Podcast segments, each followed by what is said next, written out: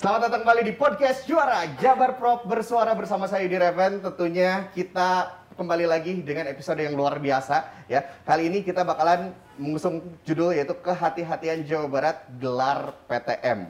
Pembelajaran tatap muka.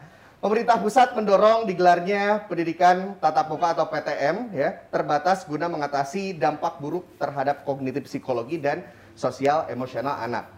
Sekolah di zona PPKM level 1 sampai 3 diimbau secara meng segera menggelar PTM terbatas. Salah satu syaratnya adalah cakupan vaksinasi sudah 100% pada pendidik dan tenaga kependidikan.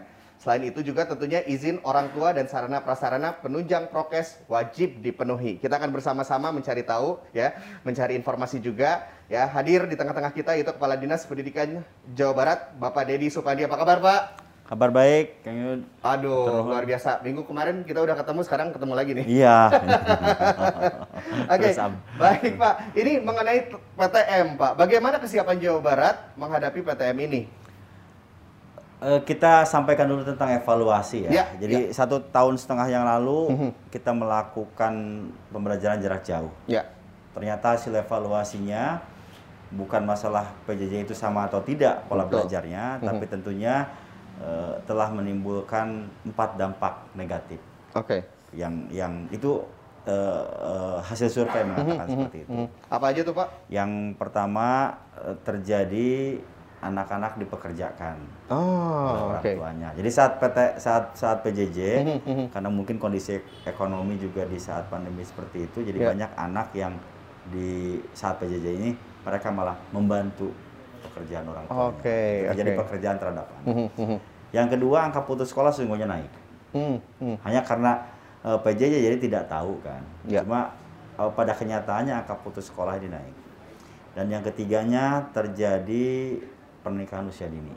Oh. Saya pernah mantau ke ya, salah ya. satu kabupaten yang terpencil -huh. gitu kan. Pada saat saya tanya kenapa seperti itu, ada bingung Pak, cina uh, belajarnya pakai PJJ sementara yeah. di sini internetnya jelek jadi diajak pacarnya uh, belajar bersama kayak yeah. gitu kan di satu tempat akhirnya ya kita khawatir ya udah aja mending ditikahkan gitu. oh ya ampun itu juga muncul lah okay, di, okay. seperti itu bahkan uh, bukan satu dua gitu kan dan yang terakhir hasil survei itu uh, membuktikan bahwa sebetulnya pembelajaran jarak jauh ini dalam segi pembentukan karakter anak tidak lebih efektif dibandingkan ah. PTM. Iya, iya, iya.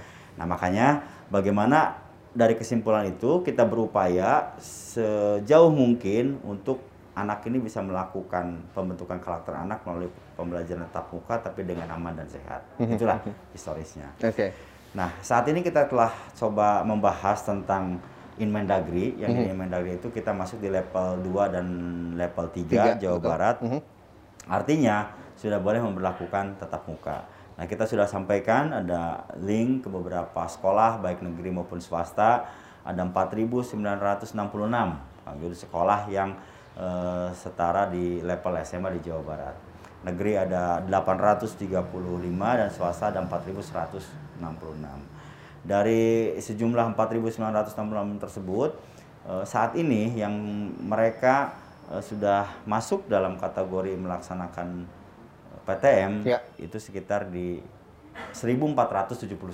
1471. Ini dan hari Senin besok ya. di tanggal 8 September mereka sudah melakukan tetap muka. Sudah mulai sudah. melakukan.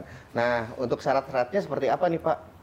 Jadi eh, dari dari tahap bulan Juli kemarin kita ya. sudah sampaikan ke sekolah. Rumusnya begini. Oke. Okay. Eh, pertama pihak sekolah harus menyiapkan kedua layanan. Apa saja tuh Pak? Baik layanan PTM maupun mm -hmm. PJJ. Oh, Oke. Okay. Nah, jadi sekolah ini sarana untuk PTM harus dia siapkan mm -hmm. dan sarana PJJ pun juga harus disiapkan. Yeah. Silahkan pergunakan dana BOPD atau dana BOS untuk percepatan melengkapi sarana-sarana dalam rangka persiapan PTM. Itu yang mm -hmm. pertama. Mm -hmm. Yang kedua, eh, orang tua siswa atau wali yeah. murid diberikan pilihan hak hmm Apakah mm-hmm. anaknya diizinkan PTM atau PJJ? Mm, okay. Karena yang tahu kondisi anak, apakah dia sedang sakit, apakah sedang flu atau panas atau lain sebagainya atau kekhawatiran itu adalah orang tuanya sendiri. Ya. Jadi kita memberikan hak pilihan pada Mhm, orang tua untuk melakukan apakah anaknya diizinkan PTM atau PJJ. Ya. Nah yang ketiganya ada daftar periksa Mhm, yang kita sampaikan oleh pengawas kepada tiap sekolah sebelum nanti berkoordinasi dengan satuan gugus tugas COVID. Daftar periksa ini banyak Oke. dari mulai di sekolahnya ada satuan tugasnya, Mhm, ada ruang UKS yang harus disiapkan, Ya.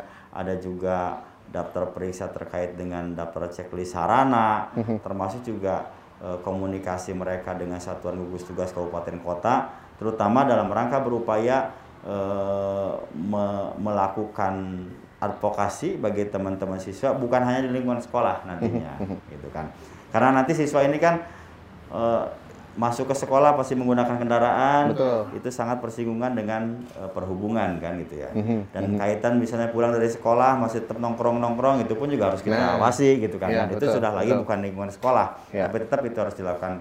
Itu telah dilakukan Mhm. semuanya jadi yang sejumlah 1471 ini itu adalah eh, data awal yang saat ini mereka sudah memenuhi semuanya. Tapi bukan berarti hanya segitu. Mhm. Pekan depan bisa bertambah lagi karena masih berproses. Oke. Ada yang masih berproses dengan satuan gugus tugas COVID Ya. di kabupaten kota dan ada yang masih berproses terkait dengan beberapa daftar periksa termasuk izin orang tua tadi. Mhm.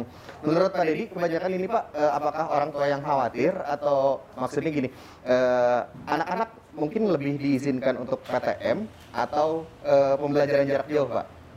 Eh, kalau melihat evaluasi semuanya Ya. mengizinkan PTM.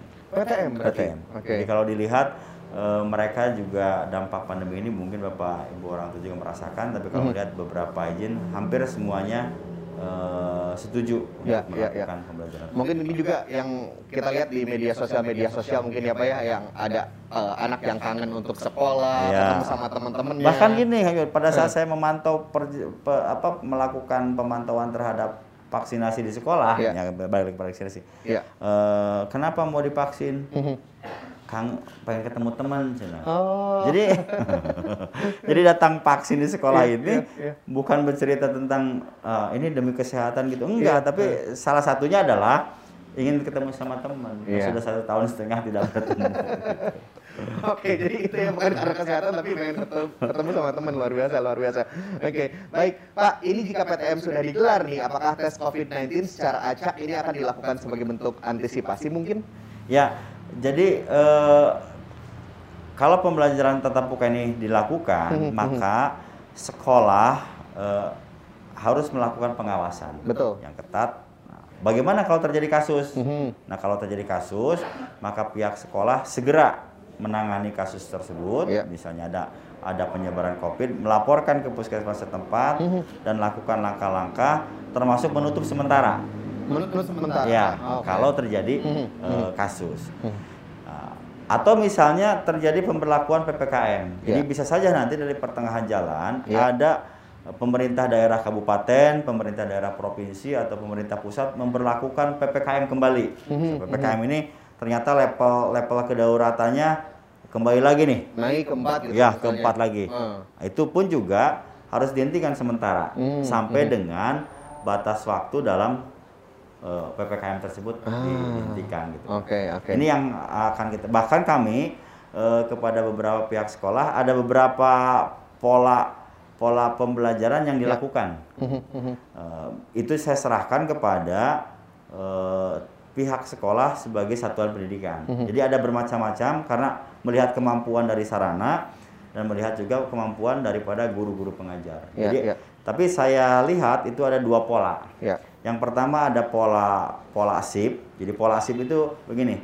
Masuk jam 7, Mhm. nanti keluar jam 10. Ya. Nah, yang sip pertama ini pulang eh, sekolah, Ya. nanti jam 10 sampai jam 12 pihak sekolah ini melakukan penyemprotan disinfektan Oh, oke. di lokasi yang tadi. Mhm, mhm. Nanti yang jam satunya itu masuk sip sip yang kedua setelah dilakukan penyemprotan disinfektan. Oke. Tapi ada juga yang polanya per pekan. Mhm. Jadi minggu ini sekolah tatap muka PTM. Nah minggu depannya itu adalah eh, PJJ. Nah PJJ. PTM yang minggu ini dilakukan terutama bagi mata pelajaran yang memang sulit dilakukan secara PJJ atau bagi SMK eh, kebanyakan yang tatap muka ini diberlakukan untuk mata materi-materi yang praktek. Nah, iya. Gitu kan. Seperti Oke. itu polanya. Betul, Dan itu betul. diserahkan kebijakan itu dinas pendidikan kami menyerahkan kepada pihak satuan pendidikan yang lebih tahu terkait dengan kondisi jumlah guru Hmm. Betul. dan jumlah sarana yang dimiliki. Hmm, hmm. Ini yang tadi menarik Pak, eh, berbicara tentang pengawasan setelah sekolah nih Pak.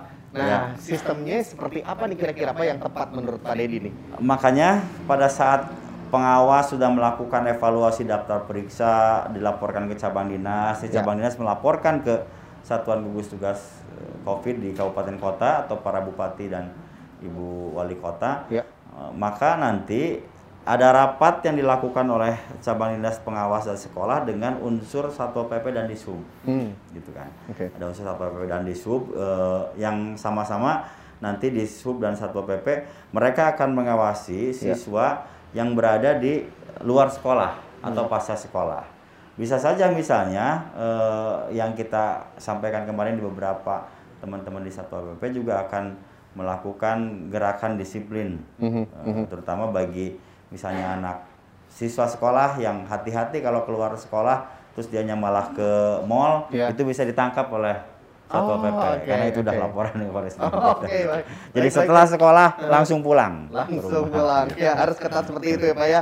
Oke. Nah, vaksinasi Pak untuk pendidik dan tenaga pendidik seperti apa, Pak? Untuk tenaga tenaga pendidik ini Hmm. eh, tenaga pendidik dan tenaga kependidikan jadi Ya. tenaga pendidik guru ya, Ya. tenaga kependidikan itu ada penjaga sekolah dan Betul. Hmm. sebagainya. Itu baru memang baru mencapai di 68,9 persen ya. Oke. Nah, itu tapi bukan berarti eh, untuk tenaga pendidik yang di level SMA. Tapi Ya. kalau digabung Mhm. dengan tenaga pendidik yang level di bawahnya SMP, MTS se Jawa Barat itu sesungguhnya sudah mencapai di 80 persen. Oke. Ini kan karena karena pada saat itu eh, seolah-olah yang lebih dipentingkan adalah yang level eh, eh, SMP dulu, Mhm, karena SMA eh, itu biasanya dibuat belakangan. Tapi kondisi itu sudah dianggap bagus karena rata-rata ternyata memang lebih banyak karena kondisi situasi seperti komorbid dan pada saat Nah, mau divaksin betul. terjadi kenaikan tekanan darah. gitu Mhm, kan. Nah, yang siswa eh, sama juga ternyata lebih banyak teman-teman siswa di SMP yang Mhm. sudah di, divaksin gitu kan. Jadi yang kalau yang level SMA baru sekitar di 20 eh, 20 persenan lah, 20 persen lebih. Tapi kalau yang digabung dengan pelajar-pelajar yang SMP itu sudah sesungguhnya sudah di 60 lebih. Mhm, mhm. Nah ini pun juga kita lakukan sambil bertahap. gitu. Oke. Karena eh, kita sampaikan eh, bahwa vaksin ini tidak menjadi eh, syarat mutlak untuk dibukanya PTM, tapi kita lakukan eh, tetap protokol yang ketat. Nah, tapi percepatan PTM itu dilakukan salah satunya adalah melalui vaksinasi. Nah, ke depan nanti eh, vaksin ini terus berjalan, Ya. kita pun juga akan ada sistem peduli lindungi. Hmm, Jadi pada oke. saat masuk ke Ya. lingkungan sekolah pendidikan, maka harus menunjukkan eh, vaksinasi. Tapi itu sambil berjalan paralel, artinya tahapannya tidak untuk di pekan ini. Terus Oke. kita bertahap sambil dengan berjalan proses PTM ber- berlangsung. Oke, jadi antisipasi demi antisipasi sudah disiapkan Sudah, ya, Pak ya. Luar biasa sekali tentunya. Baik Pak, eh, as closing statement apa yang mau disampaikan untuk siswa-siswa se-Jawa Barat ataupun orang tua se-Jawa Barat silakan. Uh, untuk siswa dan orang tua murid, saya sampaikan bahwa mari kita bersama-sama memastikan anak-anak di Jawa Barat dapat mengenyam hak belajarnya dengan aman dan sehat. Oke, baik. Kalau begitu sehat selalu ya dan jangan lupa juga setelah PTM protokol kesehatan harus dijaga dengan ketat ya. Baik, Pak Deddy Sepandi terima kasih. Sama-sama. eh, Pertemuan kita luar biasa sekali. Banyak yang ingin dibahas tapi apa daya waktu yang harus memisahkan Ya. kita. Next time kita akan ketemu lagi ya Pak ya. Terima kasih wargi Jabar sudah menyaksikan dan mendengarkan podcast juara Jabar Pro bersuara bersama dengan Kepala eh, Dinas Pendidikan Provinsi Jawa Barat.